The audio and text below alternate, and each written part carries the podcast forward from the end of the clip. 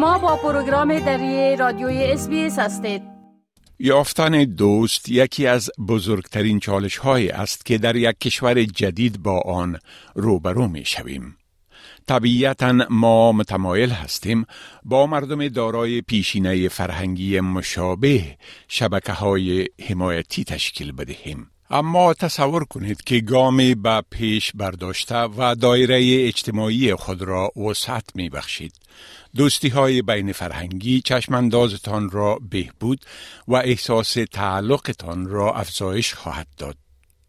آیا دوستان شما از حلقه فرهنگی خودتان هستند؟ تجربه مهاجرت می تواند تنهایی باشد بنابراین قابل درک است که ما برای حمایت و دوستی به سوی اشخاص آشنا کشانیده می شویم. اما بیرون آمدن از حباب فرهنگی خود ما ما را در معرض دیدگاه های متفاوت قرار می دهد و احساس همنوایی ما را تقویت می کند. دکتر هریت وستکات متخصص دوستی و مهاجرت می گوید که دوستی های بین فرهنگی همچنان سلوک و صفات مشترک ما را روشن می سازد. When people have migrated come to Australia, they would certainly very often connect over the experiences of migration. There are different forms of migration, so the reasons why people have migrated might be different, and people's migration passage can be quite varied. So, asking people about their experiences can be useful, but it can also be traumatic. So, it might be something that you want to be sensitive about in friendship. پروفسور کاترین گومز متخصص افهام و تفهیم در جوامع مختلف در پوهنتون آرمایتی می گوید که ما در بین افرادی که مانند ما فکر می کنند آرامش پیدا می کنیم. اما مشکلات هم وجود دارد. Problem is that you're not expanding beyond the silo that you are caught in. So, in a silo, especially when we think about getting information, what happens is that you think the same way as I do. So, when it comes to information and perspective about living in your destination countries, what then happens is whatever my friend knows is what I know. And that becomes quite problematic because you're not actually understanding about how you are going to be living in this foreign country. اگر در یک وضعیت بحرانی قرار می گیرید و به کمک نیاز می داشته باشید چی می شود؟ آیا می دانید که چی گونه پاسخ بگویید؟ پروفسور گومز توضیح می دهد که یکی از مهمترین دلایل تعاملات و مراودات بین فرهنگی تبادله معلومات است. This is probably the best example. Whenever you ask someone, what's the number to call for an emergency, many people on instinct will tell you whatever number that they are familiar with. I come from Singapore, so to me, automatically it's 999. I don't automatically think it's triple zero having sort of people outside of that silo, you get to know information that's actually really quite critical to living in your destination country. محصلان بین المللی معمولا اظهار می دارند که شوک فرهنگی کمتر را تجربه می کنند و وقت دوستان محلی می یابند احساس سازگاری بهتر می کنند. اما پروفسور گومز از بسیاری محصلان بین المللی چینایی شنیده که می‌گویند هیچ دوستی خارج از دایره چینایی ندارند. حتی دوستان دوستان آنها چینایی هستند. بنابراین آنها در چیزی که او آن را یک گردباد می‌داند گیر ماندهاند.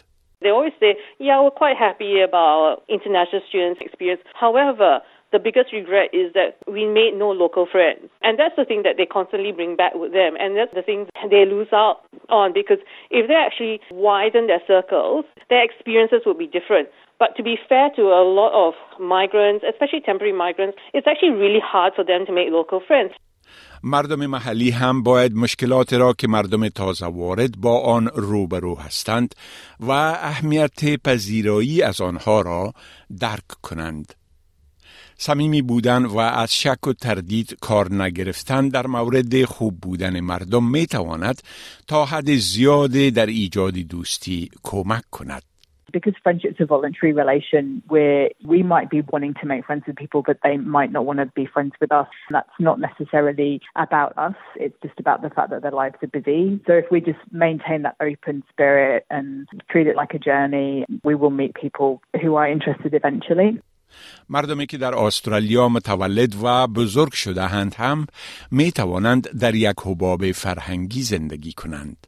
مکس تیکچینکو محصل بین المللی سابق روسی این واقعیت تلخ را در وقت آمدن به استرالیا مشاهده کرد. in their formative years, they form their own relationships. And it's really hard to undo. So when you hear some international students or migrants commenting on that it's a bit hard for them to break into those social circles, I understand those challenges. I've been through them. But I must say that commenting on someone's self imposed limitations is a very poor excuse for limiting yourself. پس چی چیزی آقای تیکچین را واداشت تا دوستی های خارج از حباب فرهنگی خود را جستجو کند؟ It really came down to curiosity and meaningful relationship because it's like thinking of a kid in a candy store. They never go for a single type of candy. They want to try everything. And when it comes to Australia, you can have a cultural candy store just on the same street. So why just limit yourself? Just go out and try. When it comes to meaningful relationships, we have to realize we make those relationships with a person regardless of their nationality or ethnicity. So when you limit yourself just to your cultural background, you potentially limit and exclude some of the most meaningful relationships that you potentially could develop. پروفسور گومز می‌گوید که دوستی های خارج از حلقه های ملی، فرهنگی یا قومی ما طرق مختلف از تجربه احساس تعلق را به ما نشان می دهد. If you have friends who are Australian, for example, that sense of belonging is actually much greater. Now, if you're hanging out with people who are exactly the same as you, you're not immersing yourself in the experiences of the place that you are in, but rather you are just moving from your home country to wherever the scenery looks a bit different. That's about it. دوستی های بین فرهنگی روش های دیگر از تفکر و عمل را به ما می آموزد. پروفسور گومز که خود را اروپایی آسیایی می داند در سنگاپور تولد شده است. او با آمدن به استرالیا در برقراری ارتباط با مردم متفاوت با خودش بیشترین ارزش را پیدا کرد.